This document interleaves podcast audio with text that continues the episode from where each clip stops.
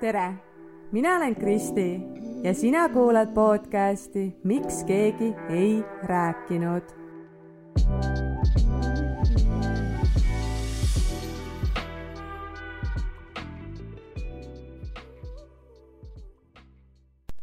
hei, hei. eile oli tegelikult kolmapäev ja oleksin pidanud äh, lindistama uue episoodi ja palun vabandust, et ma nüüd natukene jälle hilinesin sellega, et jäin ühe päeva hiljaks. aga ma otsustasin kuulata enda sisetunnet ja kuidagi tundsin, et, et ei ole praegu see hetk ja see tunne peal, et ma tahaksin lindistada. eile ma olin kodus, puhkasin, tegelesin oma asjadega, kuulasin hästi palju Miley Cyruse uut lugu Flowers tantsisin selle järgi, ma ei tea, see on täielik selline enesearmastuse hümn. siis ma lugesin Laura Valgu Kohvrid ukse taha raamatu lõpuni, mõtlesin oma mõtteid, nutsin, kuidagi olin hetkes ja, ja mõtlesin ka sellest, et millest ma siis nüüd äh, järgmises episoodis äh, rääkima hakkan. aga noh, tegelikult on need viimased päevad ikkagi päris palju mõtteainet andnud ja, ja nii ma siis äh, otsustasingi täna rääkida natukene teistmoodi. või, või ma arvan lihtsalt, et see tänane osa tuleb natukene teistmoodi, selline kaootiline. samasugune, nagu mu sisemaailm hetkel on. vähemalt äh, minu enda tunne on selline äh, see jutt ilmselt täna valgub ja ma ei, ma ei tea isegi, kuhu ma selle jutuga täpselt jõuda soovin. aga, aga ma tunnen, et mul on vaja sellist puhtalt südame puistamise ja, ja igasuguste erinevate mõtete veeretamise osa teha. ma tean ainult seda, et, et lõpuks kindlasti hakkab parem, hakkab kergem, lõpp on ilus, tunne on vabastav ja see on kindel mul on jälle, jälle, jälle, jälle sisemaailmas selline tohutu virvarr, segadus. ma tean ja ma ei tea ka. ja täna ma tahan tegelikult kogu selle enda ärevuse ja depressiooni poole kõrvale jätta, mitte üldse sellele keskenduda ega sellest rääkida, vaid äh, vaid nii nagu ka päriselus ma proovin keskenduda heale ja, ja leida lahendusi siis, siis ka tänases osas ma proovin just nagu endast ja enda tunnetest sellise nurga alt rääkida. ma soovin, et, et päriselt tuleksid lahendused ja, ja ma olen aru saanud, et selleks ju tuleb ikkagi midagi muuta, et sama, kui sama enam ei tööta, tuleb midagi muuta. ja nüüd ma olen siin viimasel ajal natukene proovinud äh, uusi asju oma ellu tuua. ma näiteks äh, olen äh, seni olnud ikka väga-väga halb äh, raamatute lugeja. ma, eriti mis puudutab siis veel sellist ilukirjandust. ja ma tundsin, et, et nüüd on kuidagi nagu selline hetk või aeg, kui ma tahaksin anda ka neile võimaluse ja proovida. ja võtsingi kohe ette Kus laulavad langustid raamatu ja lugesin selle endale nagu väga-väga suureks üllatuseks, ma ei tea, paari-kolme päevaga läbi. ja neljandal päeval oli mul juba Laura Valgu see Kohvrid ukse taha ka läbi loetud, et kuidagi ma ei tea, mulle pole kunagi lugemine meeldinud või ma pole kuidagi järjepidev suutnud selles olla, see ei ole nagu selline minu asi ja nüüd ma nagu tõesti täiega nautisin seda. ja ilmselt lõpuks lihtsalt olin õigel ajal õiget asja tegemas. et äh, täitsa sihuke igatsus või, või soov on juba uute raamatute järgi, et tahaks lugeda, et nagu, kes ma olen äh,. samuti algas sel nädalal ka äh, mu armsa Katre Kulboki enesearmastuse kaks punkt null kursus, kuhu, kuhu ta siis mind kutsus ja kuhu ma nagunii oleksin tahtnud minna või milles osaleda. ja praegu on lihtsalt see selline minu kasvamise, õppimise arenguaeg. ma naudin täiega seda, see on põnev ja, ja ma olen, ma tunnen, et ma olen hetkel nagu selles mõttes ikkagi piisavalt tugevas kohas, et ma olen valmis äh, nii-öelda kõike vastu võtma. aga samas ma ei ole, täna on selle programmi neljas päev ja ma ei ole nagu väga suutnud selles programmis veel kohal olla. ja, ja miks? Ma tean tegelikult väga hästi, miks. sellepärast, et minu baasvajadused ehk vundament lonkab hetkel. ja tegelikult ma just selle, sellesama eesmärgiga sinna programmi läksingi, et enda selline fundamentaalne eluosa siis uni, toitumine, liikumine, et see, et see kõik äh, kuidagi paika ja jonksu saada, et ma seaksin iseennast ja enda vajadusi ikkagi esikohale ja ja ma tean ka seda, et ma ei pea seal programmis nüüd kohe esimesest päevast sada protsenti kõike kaasa tegema ja endast maksimumi andma, vaid äh, oluline on see, et ma ikkagi igapäevaselt teeksin midagigi selle nimel, et end paremini tunda, et ennast hoida. magaksin korraliku ööune, käiksin jalutamas õues, sööksin ühe värvilise õhtusöögi ma ei tea, teeksin trenni, et, et ma ei pea kõike korraga nüüd nii-öelda puhtalt lehelt ja uus mina mentaliteediga kuidagi alustama või olema, et et aga noh, paraku ma olen nagu tüpaažilt võib-olla natukene selline inimene või, või minu tahe on selline, et kohe nüüd ja praegu kõik või mitte midagi, et ma olen liiga kärsitu. ja see nagu mind iseennast häirib, aga ma üritangi praegu ennast kuidagi maha rahustada, maandada ja samas mul ei olegi ju tegelikult mitte kuskile kiiret. et äh, mitte üht, mitte ühegi asjaga mul ei ole kiiret. aga no vahel on iseendaga raske nii mõistlik või, või leebe olla, et kõrvalt ma teisele inimesele ütleksin samamoodi, et ei ole kiirelt ja võta rahulikult ja, ja sa saad hakkama. aga endaga ma olen nagu tunduvalt kuidagi jah, kärsitum. oh, ma tunnen, siit hakkabki vist tulema täna siukest äh, palju sellist enesearmastuse juttu või sellisel omal kujul või, või viisil. ma tulen nüüd äh, tegelikult äh, või ma tahan tulla raamatute juurde tagasi. Laura Valgu raamat pani mind igasugustele asjadele mõtlema ja, ja ma tunnen, et ma tahangi sealt raamatust tekkinud mõtted ja tunded, et ma tahan need nagu lahti kuidagi arutada, lahata ja tegelikult ma vist tahan üldse alustada nii-öelda minu jaoks päris algusest ja jagada kõiki emotsioone ja mõtteid eh, seoses ka tema juures eh, läbi viidud või tema, tema käe, tema läbi viidud energiateraapia seansist, kus ma käisin suve alguses. ühesõnaga, mu mõtted tänased, tänane vestlus siis äh, iseendaga baseerubki eilsel äh, loetud raamatul ja minu suvisel energiateraapia seansi kogemusel. Laura jäi mulle nagu ilmselt ka väga paljudele teistele inimestele silma Instagramist. esmamulje, vaatad, vau, mega ilus naine, üliseksikas, nagu täiega selline naine, naine, power, aus, hästi konkreetne samas noh, ikkagi nagu ikkagi päris, päris toores ja isegi kui see ausus tegelikult vahel on ju valus, siis see ikkagi kõik kõnetas mind. ja, ja mulle meeldib tema juures eriti veel see, et, et on nii-öelda need uhhuu teemad, eks ole, aga samas ikkagi nagu päris tavalises maailmas ka.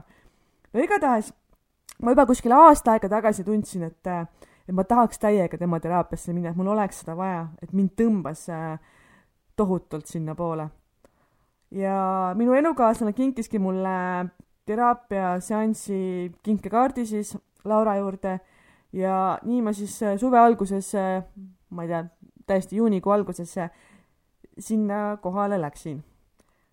mul olid mingid teatud ootused ja nii rumal, kui see ka ei ole siis ma tõesti arvasin või lootsin või soovisin, et ma lähen sinna ruumi temaga ja ta teeb mingit magic ut ja, ja minust saab nii-öelda uus inimene.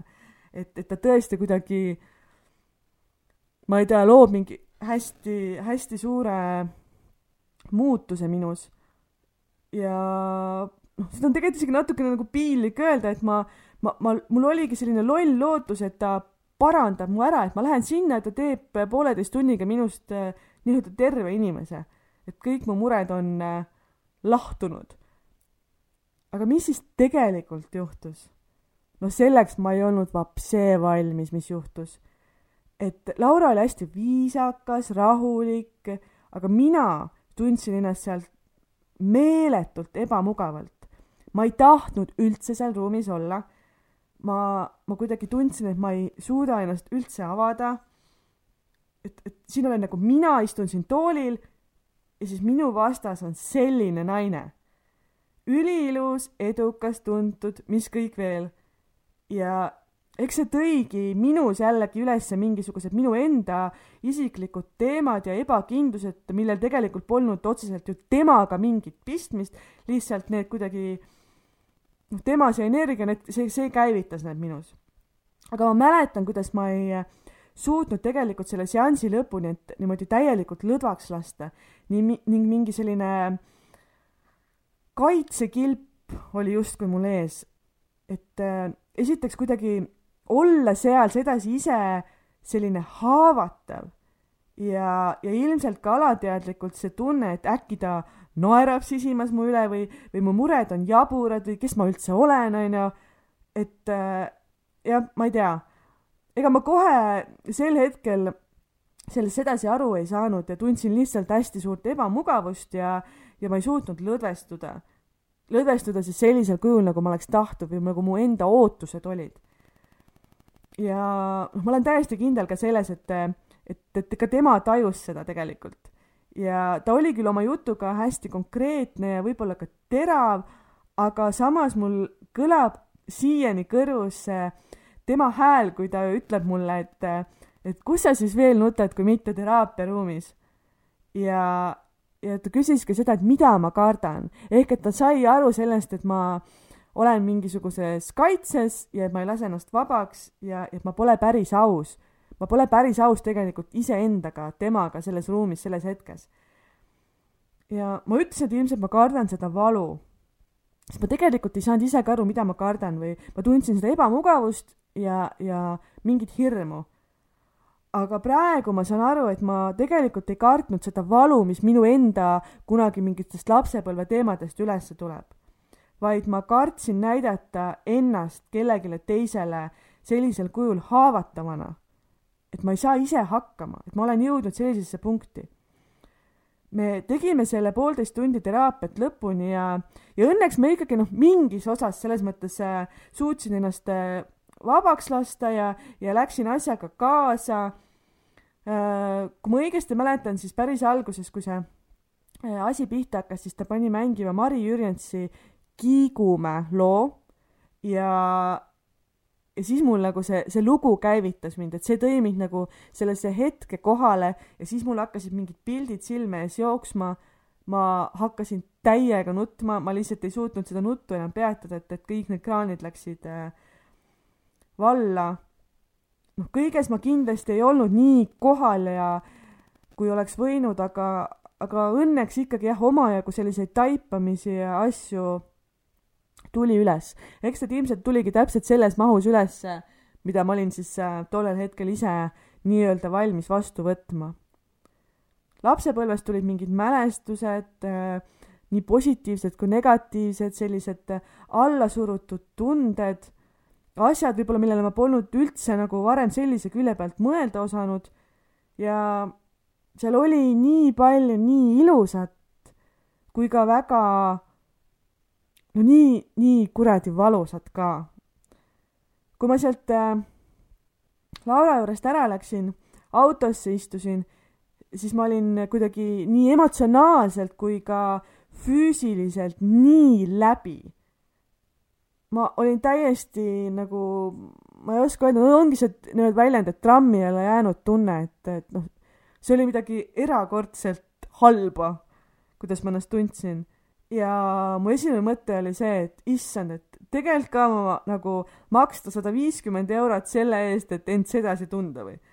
et mul oli nagu rahast kuidagi nii kahju ja mingi kahetsustunne ja süümekad ja ma mõtlesin, et okei okay,, see oli täielik bullshit kõik, et kuidagi, ma ei tea, see esimene hetk sealt lahkudes, siis noh, ütleme niisugune esimene kuu isegi.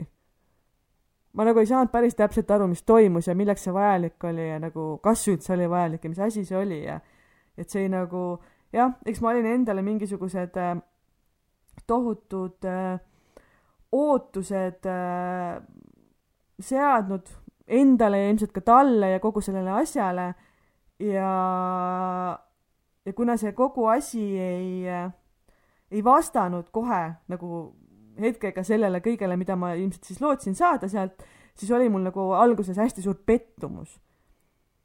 ja, ja siis ma hakkasin muidugi hiljem kahetsema seda, et miks ma ikkagi nii kaitses olin ja miks ma ennast täielikult vabaks ei lasknud ja no see halb enesetunne ikka kestis jupp aega, et ikka mitu päeva või tegelikult ikkagi mitu-mitu nädalat. Aga nagu öeldakse, siis äh, aeg annab arutust ja, ja nii juhtus ka tegelikult minuga. et see, mida ma olin oodanud sealt seansilt, sellest teraapiast, ma tegelikult hiljem sain aru, et, et ma sain selle. lihtsalt ma ei saanud seda kohe seesama päev et natukene rohkem kui kuu aega hiljem Laura kirjutas mulle ja küsis, et kuidas mul läheb. Ja ma tõesti sain vastata, paremini. tol päeval, kui ma tema juures käisin, siis tulid lapsepõlvest üles hästi tugevad tunded, nii üksinduse tunne, hüljatuse tunne, kannatuse tunne, igasugused mustrid, no igasugused teemad ja nagu hästi-hästi suur igatsustunne. Ja tegelikult tuli ka palju selliseid ilusaid mälestusi või emotsioone ülesse, mida ma tegelikult isegi nagu ei, ei mäletanud või olin need ka kuidagi mille, mingitel põhjustel nii-öelda alla surunud. et mõistmine, iseenda mõistmine ja minu jaoks kõige sellisem erilisem asi oli see, et ma tõesti tundsin siiralt sedasi, et ma, ma ei pea elama kellegi teise mustrites, kellegi teise kannatust, kellegi teise elukoormat kandma, et, et mul on päriselt nagu nii-öelda, ma olen puhas leht ja mul on oma, oma elu ja oma tee minna ja mul on õigus seda valida täpselt äh, vastavalt oma soovile, oma sisetundele, oma südame häälele, mis iganes. ja nüüd on sellest ju üle poole aasta möödas, kui ma seal käisin ja ma saan tõesti öelda, et see on mulle andnud äh, väga palju jõudu hakata enda eest rohkem seisma. ma, ma olen õppinud vaikselt aru saama, et, et ma ei vaja tegelikult kellegi teise heakskiitu, et midagi teha. jah, loomulikult on tore, kui on ümber sellised inimesed, kes elavad kaasa, toetavad äh, aga, aga kui ma ikkagi ise tunnen mingi asja puhul, et, et ma tahan seda proovida, ma tahan seda teha, teised võib-olla ei arva sama, siis ma ikkagi tunnen, et mul on õigus ja võimalus äh, iseennast eelkõige kuulata. ja, ja samuti ka see, et mina ei vastuta ju kellegi teise tegude, ütlemiste, asjade eest. et ma vastutan ainult äh, iseenda eest ja kuigi ma sain seal teraapias täieliku šoki ja ma tegelikult julgen öelda, et ma tollel hetkel või päeval või selles olukorras tundsin ennast isegi kergelt nagu alandatuna. ma ei tea, siis tänasel päeval ma, ma olen tõesti õnnelik, et ma selle kogemuse sain ja, ja päris ausalt ma, ma ei saa öelda, et ma enam kunagi ei läheks sinna tema juurde eh, seansile, et, et ma arvan, et kui ma tunnen ikkagi selle järgi vajadust ja, ja on nii-öelda jälle õige hetk ja tunne peal, siis, siis ma, siis ma annan sellele veel kord võimaluse. ja vaatame, mis, mis siis saab. eile eh, tema raamatut, Laura raamatut lugedes ma mõtlesin, et täitsa tuksis, kui palju on tegelikult eh, mul samastumist ja äratundmist, kui ma neid ridasid lugesin et kui me oleme nagu Lauraga kõrvuti, siis noh, me oleme täiesti nii-öelda sada kaheksakümmend kraadi erinevad. meie iseloomud on erinevad, käitumismustrid on erinevad, elustiilid on erinevad, noh, välimus, noh, kõik, kõik, kõik on täiesti erinev. aga, aga ma tundsin tema loos ja tema mõtetes nii palju tegelikult iseenda ära. ja kogu see kupatus käivitas minus nii palju kõike ma loomulikult äh, ei, ei taha ega saa siin täna jagada, aga, aga on neid asju, mida ma siiski ikkagi soovin ka sinuga jagada ja arutada ja rääkida. hästi tugevalt äh, tõusis mul üles või pinnale just see mõte, et, et välisel ei ole üldse nii suurt mõju meie õnne ja meie elu üle, kui me ise arvame. et millegipärast pannakse just sellesse välisesse nii palju energiat ja raha ja ressurssi ja kõike, aga tegelikult ju mängib rolli hoopis see, mis tuleb seestpoolt. et äh, kui ma vaatan Laurat, siis äh, tundubki, et ta on nii ilus, nii tahetud, nii selline popp tüdruk onju, et temal ei ole nagu ta justkui tänu sellele üldse mingeid probleeme. aga, aga kõik algabki sealt seest ja lapsepõlvest ja, ja sellel ei ole tegelikult selle välisega üldse niivõrd palju mingit pistmist. et mina olen ju ennast eh, suurema osa oma elust tundnud eh, noh, inetuna, liiga suurena, paksuna, mõttetuna ja eriti just nagu välimuselt. ja praegusel hetkel ma saan aru, et see uskumus tegelikult tuli ikkagi minust seest. see tuli sellest, et ma olin äh, haiget saanud, ma ei tundnud ennast äh, pisikesena võib-olla piisavana ja tunnustatuna. ma ja ma, mina enda peas kuidagi mingil hetkel suutsin selle seose selle enda emotsiooni siis või selle tunde siduda sellega, mida ma peeglist nägin. ja paratamatult on noh, väli, väline see, mis kõigele, kõigile on ju nähtav ja, ja sealt edaspidi ma suutsingi äh, hakata neid seoseid leidma. et ma ei teadnud, mis teistes sisemaailmas toimub, aga ma nägin väliselt et neil on justkui see, mida mul ei ole, nii, nii nende välimuses kui ka nende elus, nende ümber need inimesed, kõik võimalused ja, ja siis ma jah, hästi tugevalt olengi tekitanud selle, selle uskumuse endale. Aga paratamatult on, on nii, et, et sellel ei ole üldse nagu nii kandvat rolli. võrrelda teisi ja seda, mida ma näen tegelikult sellega mida mina tunnen iseenda sees. et need on nagu kaks täiesti erinevat maailma, täiesti erinevat asja. ja eks sealt ongi tulnud need sellised automaatmõtted, et kui ma oleksin ka pilt ilus, heas vormis, peenikene, ma ei tea, hullult ilusti kogu aeg meigitud, sätitud, ilusad asjad, palju raha, et, et see kohe teekski mu õnnelikumaks et siis kõik ju armastaksid mind ja see, ja see umbes, et see X inimene ju on selline, ma näen ja ma näen, et tal on see, mida minul ei ole, noh bla, bla, blablabla. et kust see kõik tegelikult tuleb? see tuleb südame põhjast. Ja, ja see kõik on äh, sinna koha sisse võtnud juba ammu-ammu-ammu. ilmselgelt lapsepõlvest, kus äh,, kus vanematel oli äh, nii palju tegelikult neid oma teemasid ja muresid ja koormaid.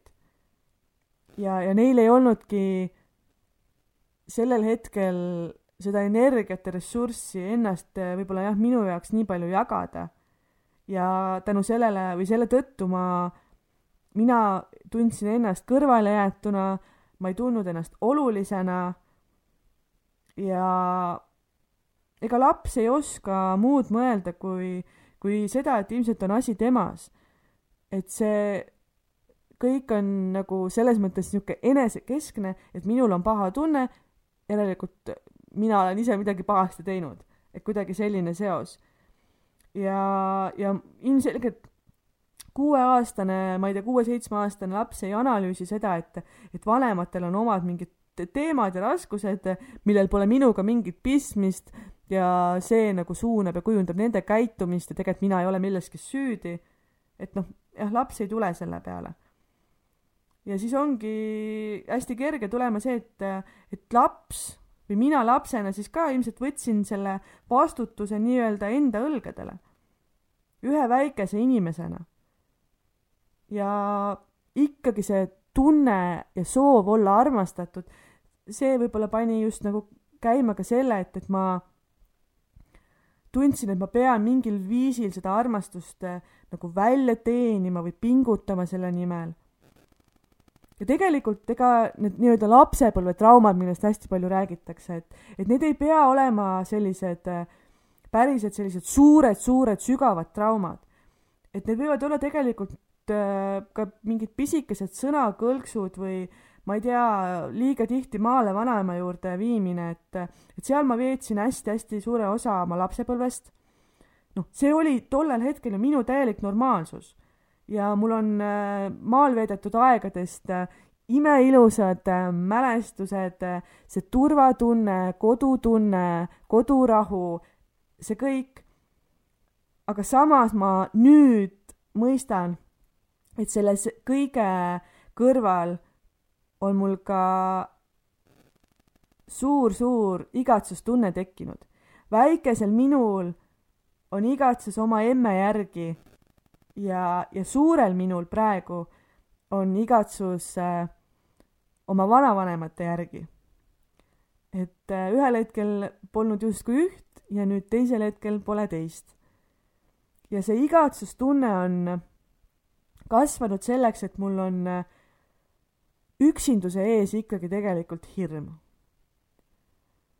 ma küll olen õppinud oluliselt rohkem olema üksi ja nautima seda, aga, aga ma arvan, et mul on ikkagi sisimas, sügaval sisimas see soov, kihk, vajadus tunda end olulisena ja vajalikuna ja ma kardan, et mind jäetakse maha. või et mina jään millestki ilma, et ma jään elust ilma. et vau nagu ma saan praegu aru ka sellest, et ma olen äh, tegelikult jälle ühe täiesti uue kohani jõudnud.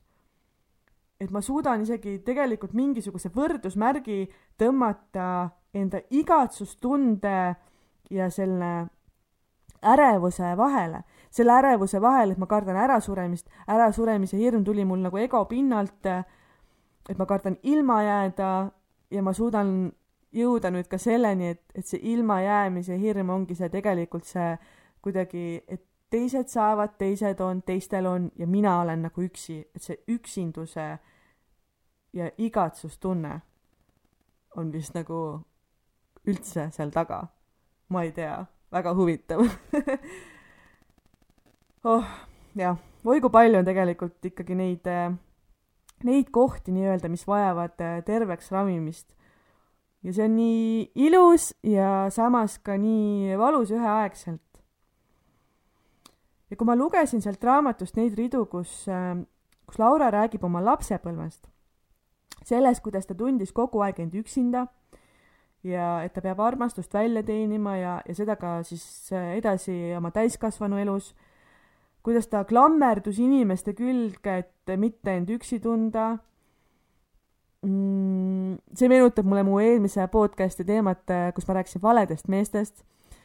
Äh, mind pani seal raamatus muigama koht, kus ta rääkis, et et põhimõtteliselt pärast teist date'i mingisuguse kutiga juba kujutas ette, kuidas nad abielluvad ja ühist pere loovad ja ja kuidagi nagu hästi rutakalt äh, läks nende soovide ja mõtetega edasi ja täpselt samasuguseid äh, lugusid äh, hakkasin ju mina põhimõtteliselt iga sellise enda jaoks atraktiivse, sümpaatse meessoost inimese puhul endale peas rääkima. ja noh, muidugi jah, Laura puhul või tema puhul nagu äh, kulmineerus see kõik väga-väga retsi lähisuhtevägivallaga ja mitte ainult äh, üks kord, et, et noh, minu õnneks mina midagi sellist ei ole pidanud äh, ise siis nii-öelda läbi kogema, et seda kõike oli väga julm ja valus äh, lugeda, aga samas see teistpidi jälle natukene on selline selline koht, mis toob ikkagi nii-öelda kahe jalaga maa peale, et, et kõik, mis hiilgab, ei ole alati kuld. et see on täiega see koht, kus me, kus me saame aru, et, et me ei näe tegelikult üldse selle fassaadi või, või nende kardinate taha ja igalühel on omad võitlused, oma tee, omad katsumused.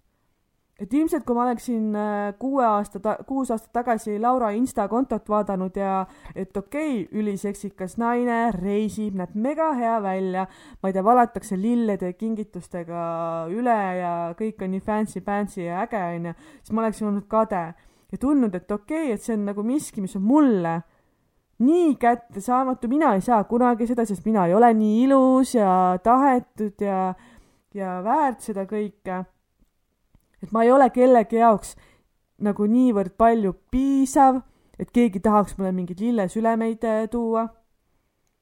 aga, aga kui ma oleksin teadnud ka seda reaalsust, et see, kuidas ta end tundis ja mida ta päriselt läbi elama pidi, et kas ma oleksin ka siis kade olnud? ilmselgelt mitte. et kui ma näen seda mingisugust äh, saja roosi buketti, vaatan, oh kui äge, et selliseid asju kingitakse, aga võib-olla see on nagu nii-öelda selle korvamiseks, et eelmine õhtu naisele lahtise käega vastu nägu andis, onju, et, et kas see liilekimp nagu korvab seda, et ei korva, kas see on asi, mille üle kade olla, ei ole absoluutselt. et noh, see pani mind jah, väga-väga palju, väga sügavalt mõtlema mingite teemade üle ja selle üle, et kui palju me tegelikult ikkagi noh, iseendale mingite pisikeste kill, killukeste pealt, mida me kuskilt näeme, et mis, mis lugusid me hakkame rääkima. ja neid lugusid räägime siis äh, nii enda kohta tegelikult kui ka teiste kohta. ja sellega teeme endale ju nii tohutult palju liiga et ilma teadmata, mis hinnaga kellegi jaoks miski tuleb, elame natuke nagu seda kadedust või kuidagi seda teiste elu, selle asemel, et võtta vastutus enda elu eest ja muuta see päriselt selliseks, nagu me soovime. et see kõik on nagu nii lihtne, aga samas on nagu minu meelest ikkagi päris keeruline ka, et no ma ei tea väga,, väga-väga sihuke huvitavad mõtted ja tunded on mu sees hetkel. ma tahaks ka praegu, noh, kui ma kahe jalaga maa peal seisan ja ratsionaalselt mõtlen, eh, siis ma saan aru, kuidas elu käib ja kuidas peaks elama ja kuidas peaks mõtlema. ja ma tahaks nii väga öelda, et jah, ma enam üldse nii ei tee, ma ei räägi mingeid lugusid, et ma ei võrdle ennast üldse enam ei emana, ei naisena, ei inimesena, ei sõbrana. aga paratamatult on nii, et, et ma võrdlen. ma võrdlen seda vahel teadlikult, vahel alateadlikult, aga ma võrdlen ja nendel hetkedel ma unustan, et, et ma näen ju ainult ühte sellist osakest mingist suurest pildist ja siis ikkagi tuleb vahel see kadedustunne või, või tunne, et, et mina ikkagi ei ole piisav. et teistel on ikkagi nii ja naa, aga minul on ikka kehvasti ja, ja ma soovin ka ennast tunda üdini piisavana. tõesti südamepõhjas siiralt seda tunda ja ise uskuda seda. aga reaalsuses on nii, et mingi osa minust usub ikka seda et ma ei ole väärt ei üht ega teist. ja ma tõesti käsi südamel proovin endale igal võimalusel kinnitada ja näidata, et, et ma olen kõike kõige paremat väärt, et ma olen kõike seda väärt, mida ma ise soovin saada, mis mind õnnelikuks ja rõõmsaks teeb. aga sellest hoolimata see ei õnnestu alati. see, see, see tegelikult teeb mind nagu kurjaks kohati. või ma ei tea, vahel ma teadlikult teen iseendale haiget ja samas vahel tuleb see noh, sellisel alateadlikul tasandil, et ma ei saa isegi aru sellest, kuni on need tagajärjed nii-öelda käes. sellest, kuidas ma end ohverdan, et miks see, miks see muster või see teguviis ikkagi on nii tugevalt minu sees. et mis on see alguspunkt, mis selle sinna nii-öelda pani. ja no ega tegelikult ei peagi, ma arvan, et ei peagi kõike kõike, kõiki traumasid, kõiki teemasid ära lahendama ja oma pealt nagu maha raputama, et mis on sinna nii-öelda aastatega siis äh, tekkinud. et äh, noh, need asjad on tulnud vanematest, nende kasvatusviisidest, keskkonnast, kus me elame, koolist, noh, kõigest ümbritsevast.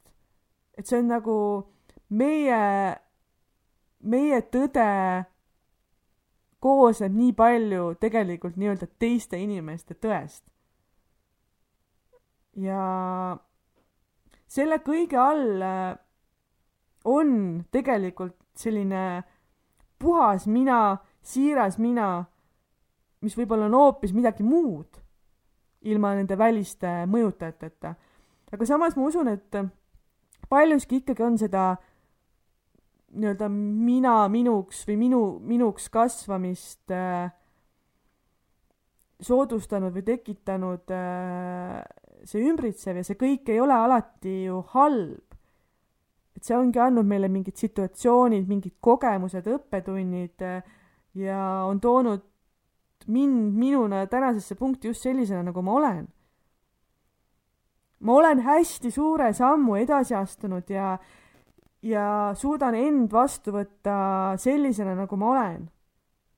suures pildis siis peaaegu kogu aeg. Ma tõesti soovin endale head, ma usun endasse, ma usun nendesse asjadesse, mida ma teen.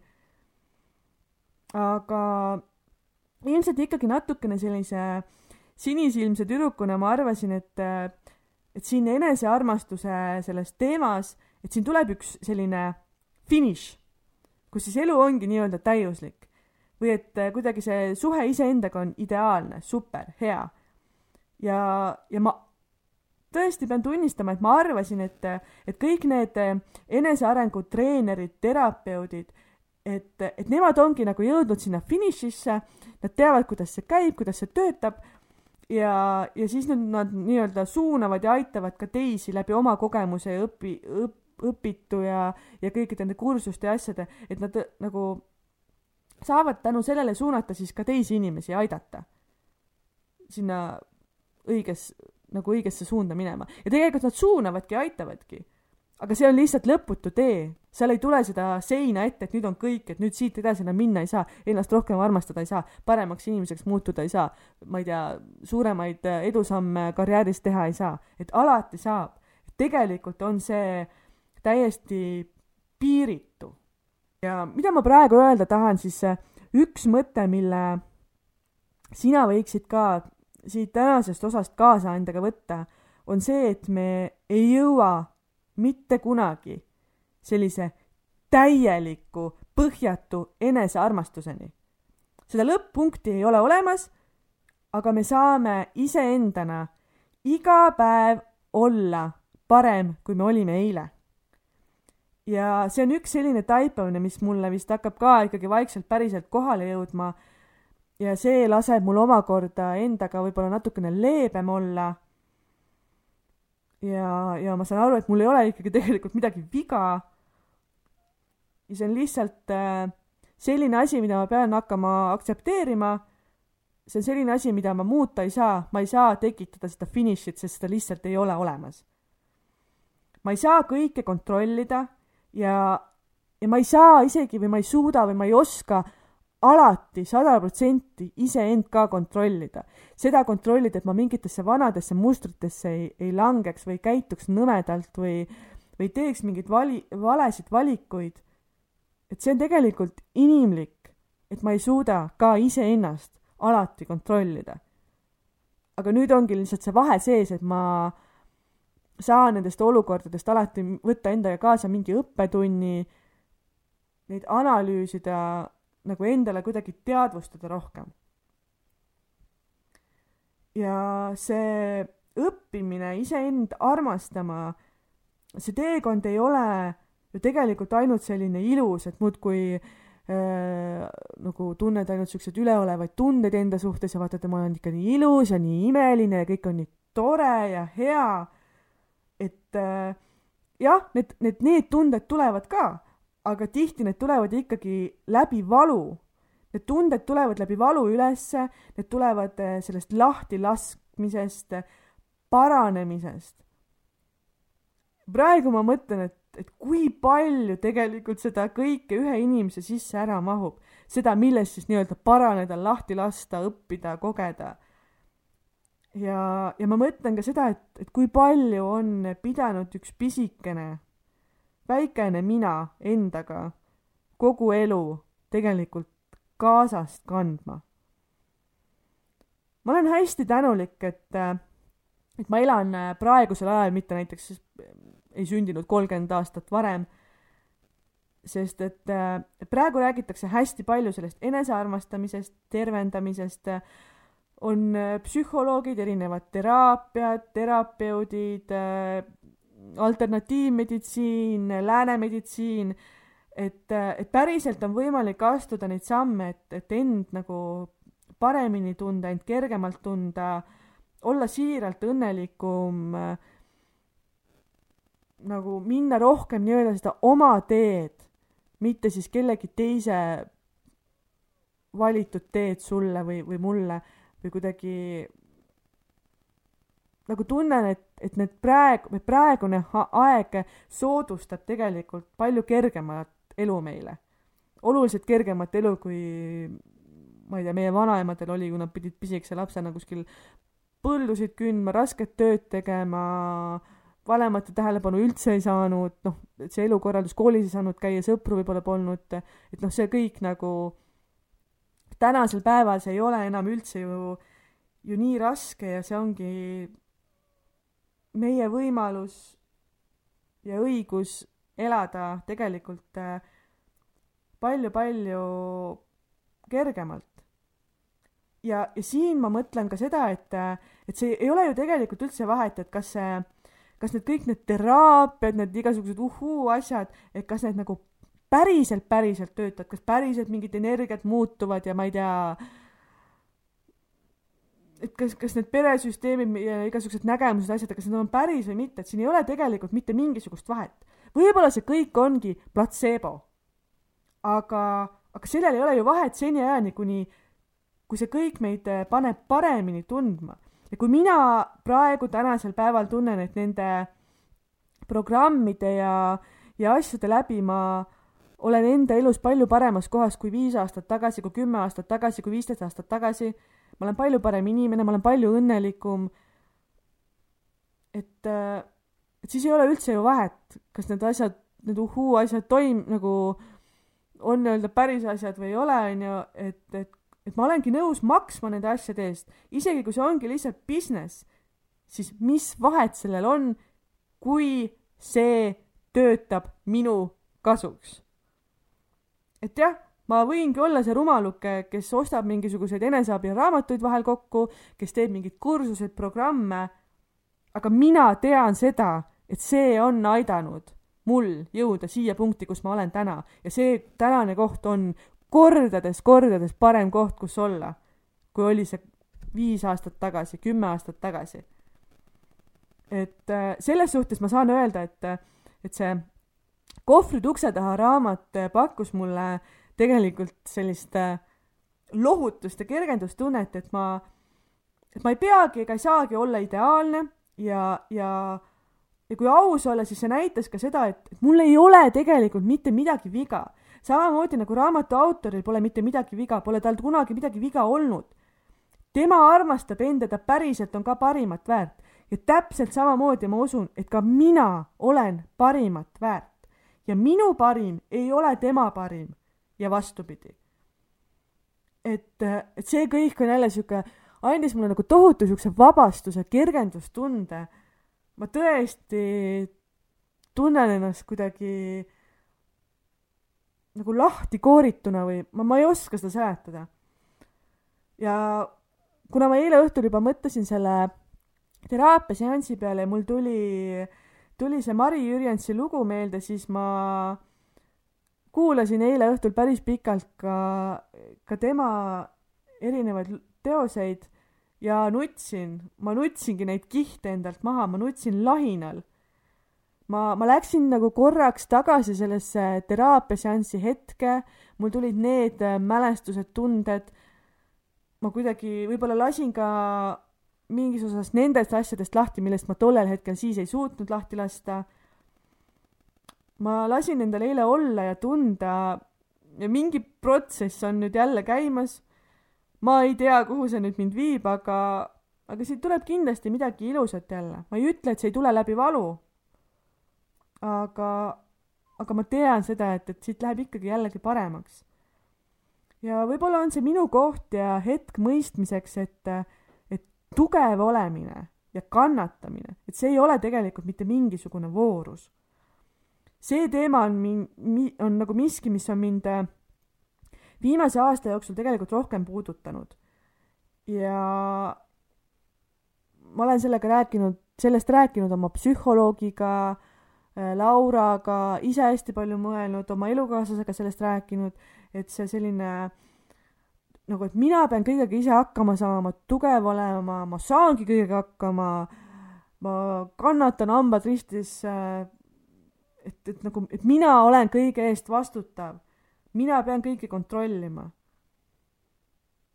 siis äh, tegelikult jah, okei okay,, ma saaksingi või saangi kõigega ise hakkama, ka igasuguse valuga ühel või teisel viisil. Aga tegelikult ma ei pea seda tegema. Ja kui ma ei pea kannatama, ma ei pea seda tohutut koormat kandma, ma ei pea kõige eest ise vastutama, vaid ma võin seda vastutust, neid kohustusi, asju ka anda teistele, siis jumal küll nagu, miks ma siis nagu ei tee seda, miks ma kannatan? Et, et ma tunnengi, et ma ei jaksa seda teha, ma tahan sellist voolamist, kergust, naiselikkust, ma ei taha olla selles meesenergias, mida see kontrollimine ja, ja see tohutu tegutsemine esile toob. et, et see on nagu, see võib-olla jah, minu ütleme siis selle aasta selline suurem sisemine eesmärk, et et enda eest hoolitseda, endal lasta olla ja lasta vabaks sellest äh, kannatamisest siis. ma tahan seda kergust oma ellu, ma taotlen seda kergust oma ellu. Kuna see raamat liigutas mind tõesti nagu oluliselt rohkem, kui ma üldse oleksin osanud oodata, hoolimata sellest, et see on kellegi teise lugu ja, ja oli ka palju erinevust ja ma alati kõigega ei nõustu, siis ma tahan siia lõppu lugeda ühe pisikese katkendi selle raamatu lõpust ja, ja ma tõesti soovin sedasama endale ja ma soovin seda ka sinule. ja ma ei tea, Laura, kui sa kunagi peaksid äh, sattuma seda, seda minu podcast'i osa kuulama, siis äh, tõesti aitäh sulle. nii, nüüd ma loen ette selle koha. olen vahepeal ka endaga palju tööd teinud, et oma eluenergiat paremini voolama ning iseendaga veel tugevamasse ühendusse saada. mu süda on jälle avatud tunnen esimest korda elus, et olen kodus. olen tervik ja nii õnnelik selle üle. Sügav igatsus mu hingest on kadunud. leidsin armastuse enda seest. minu meelest on need nii, nii ilusad, siirad ja õiged äh, sõnad kuidagi väga-väga tohutult puudutasid mind ma ei tea, ma tundsin kuidagi, et ma tahan selle siia enda podcast'i osa lõppu panna, selle katkendi kohvrid ukse taha raamatust. Ja juhtuski nii, nagu ma arvasin, et, et ma tegelikult ei teadnudki, kuhu ma päris täpselt tänase jutuga jõuda tahan. ja ma ei teagi, kas ma üldse jõudsin kuhugi, kas siin on nagu mingit seost või mingit pointi. aga, aga ju see pidi siis täna just nõnda välja kukkuma ja ja see võib-olla ei ole, see tänane osa võib-olla ei ole paljudele kõrvadele nii-öelda kuulamiseks, aga, aga ma usun, et kindlasti on keegi, kes äh, samastub minuga ja, ja kellel on vaja just äh, sellisel viisil äh, kuulata, et see oleks lohutuseks, liikuma panemiseks, milleks kõigeks. ma olen ise praegu mingis protsessis, ma päris täpselt üldse ei saa aru, mis toimub, ma olen segaduses, siiski on hästi raske kuidagi mul hetkel nagu mingit väga niisugust tugevat fookust seada. Ma, järgmine kolmapäev on äh, minu kolmekümne teine sünnipäev. ma tahan kindlasti enda sünnipäevapäeval äh, lindistada, äh, neid vahetuid emotsioone jagada, rääkida üldse sünnipäevast, rääkida kõikidest tunnetest, mis mind tollel hetkel siis valdavad. ja jällegi ma ei tea, kuhu see viib, aga, aga ju siis praegu peab nii olema. ma olen jätkuvalt tõesti nii meeletult tänulik, et sa kuulad mind. ma, ma tõesti olen, ma olen nii, nii tänulik, kui ma, kui ma käin vaatamas äh, Spotify's, kui palju mind kuulatud on ja ma näen, et jälle on jälle sada juures, sada juures, sada juures see on nagu nii äge vaadata, et nelisada kaheksakümmend inimest eilse seisuga mm, kuulavad mind. et äh, ma ei adu seda, sest ma ei näe neid inimesi, see kõik on nagu virtuaalne. et kui mul oleks praegu nelisada kaheksakümmend inimest siin minu ees istumas ja ma peaksin niimoodi rääkima, et, et see on ju ikkagi nagu mega, mega, mega, mega suur arv. et ma, ma olen nii, nii tänulik, tõesti. aitäh. ja aitäh ka selle eest, et ma sain täna siin oma südant siis sellisel omal viisil puistata. Ciao。